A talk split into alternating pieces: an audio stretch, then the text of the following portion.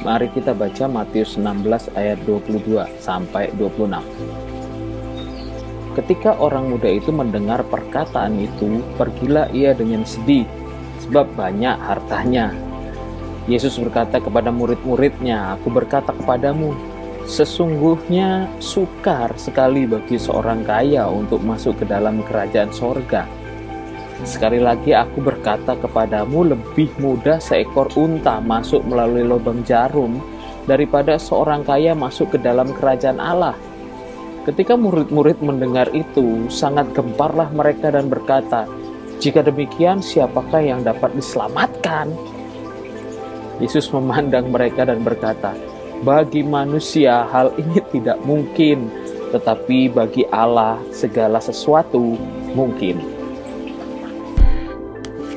Oke, menyambung dari pembahasan kemarin, sadarkah kita keinginan diri, hak, Waktu kita untuk kesenangan itu menghambat kita datang mendekat kepada Kristus. Karena semua yang Allah kehendaki tergantikan dengan apa yang kita kehendaki. Masalahnya adalah sedari mula kita sudah terlahir demikian. Betul tidak saudaraku?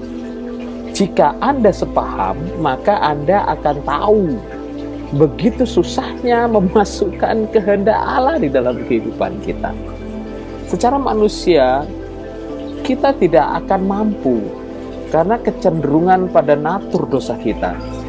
Oleh sebab itu, dilahir barukan adalah proses awal dalam mengintegrasikan kehendak Allah dalam hidup kita.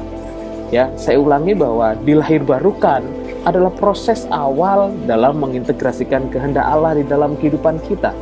Jika tidak, jelas kita akan tetap menggunakan mindset lama kita. Jadi nggak pernah bisa, saudaraku, untuk bertumbuh dewasa di dalam Tuhan. Tahukah Anda, di dunia digital, perangkat komputer yang sehari-hari kita gunakan sekarang sudah memasuki generasi kelima. Komputer generasi pertama dibuat kira-kira tahun 1946-an lah. Bayangkan perkembangan komputer sekarang sangat pesat sekali.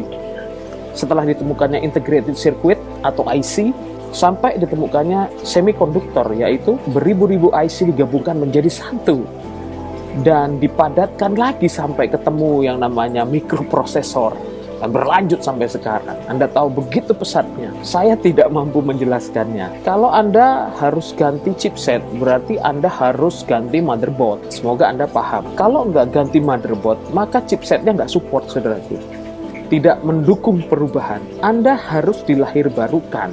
Kalau tidak, tidak akan support dengan kehendak Allah. Anda paham? Oleh sebab itu, setelah kelahiran baru, Anda akan berproses menuju kedewasaan roh. Ya, setelah kelahiran baru, Anda akan berproses menuju kedewasaan roh. Pemikiran berubah, pemahaman berubah, dan akhirnya mulai ada perubahan hidup.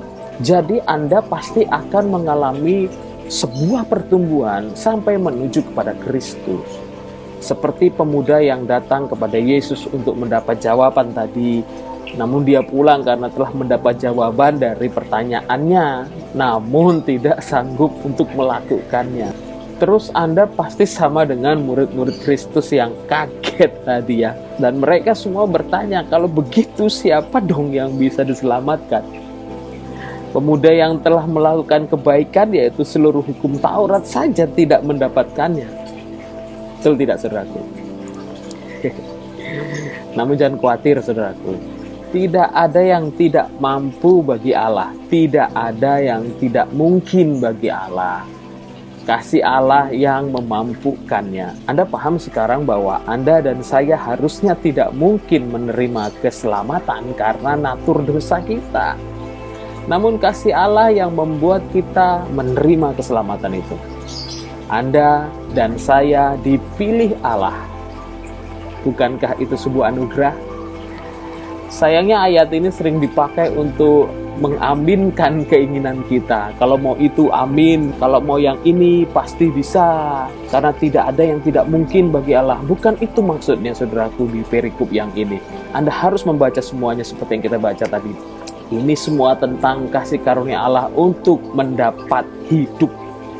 Nah, kita sudah paham sekarang bahwa ayat ini digunakan Allah agar kita paham arti sebuah kasih karunia yang diberikan Allah untuk kita sampai kepada kesempurnaan. Bahwa sebuah kasih karunia kalau kita dengan rela dapat mengikut Kristus sampai akhir. Cara pandang yang benar atas kehendak Allah membuat kita bertumbuh dalam kedewasaan.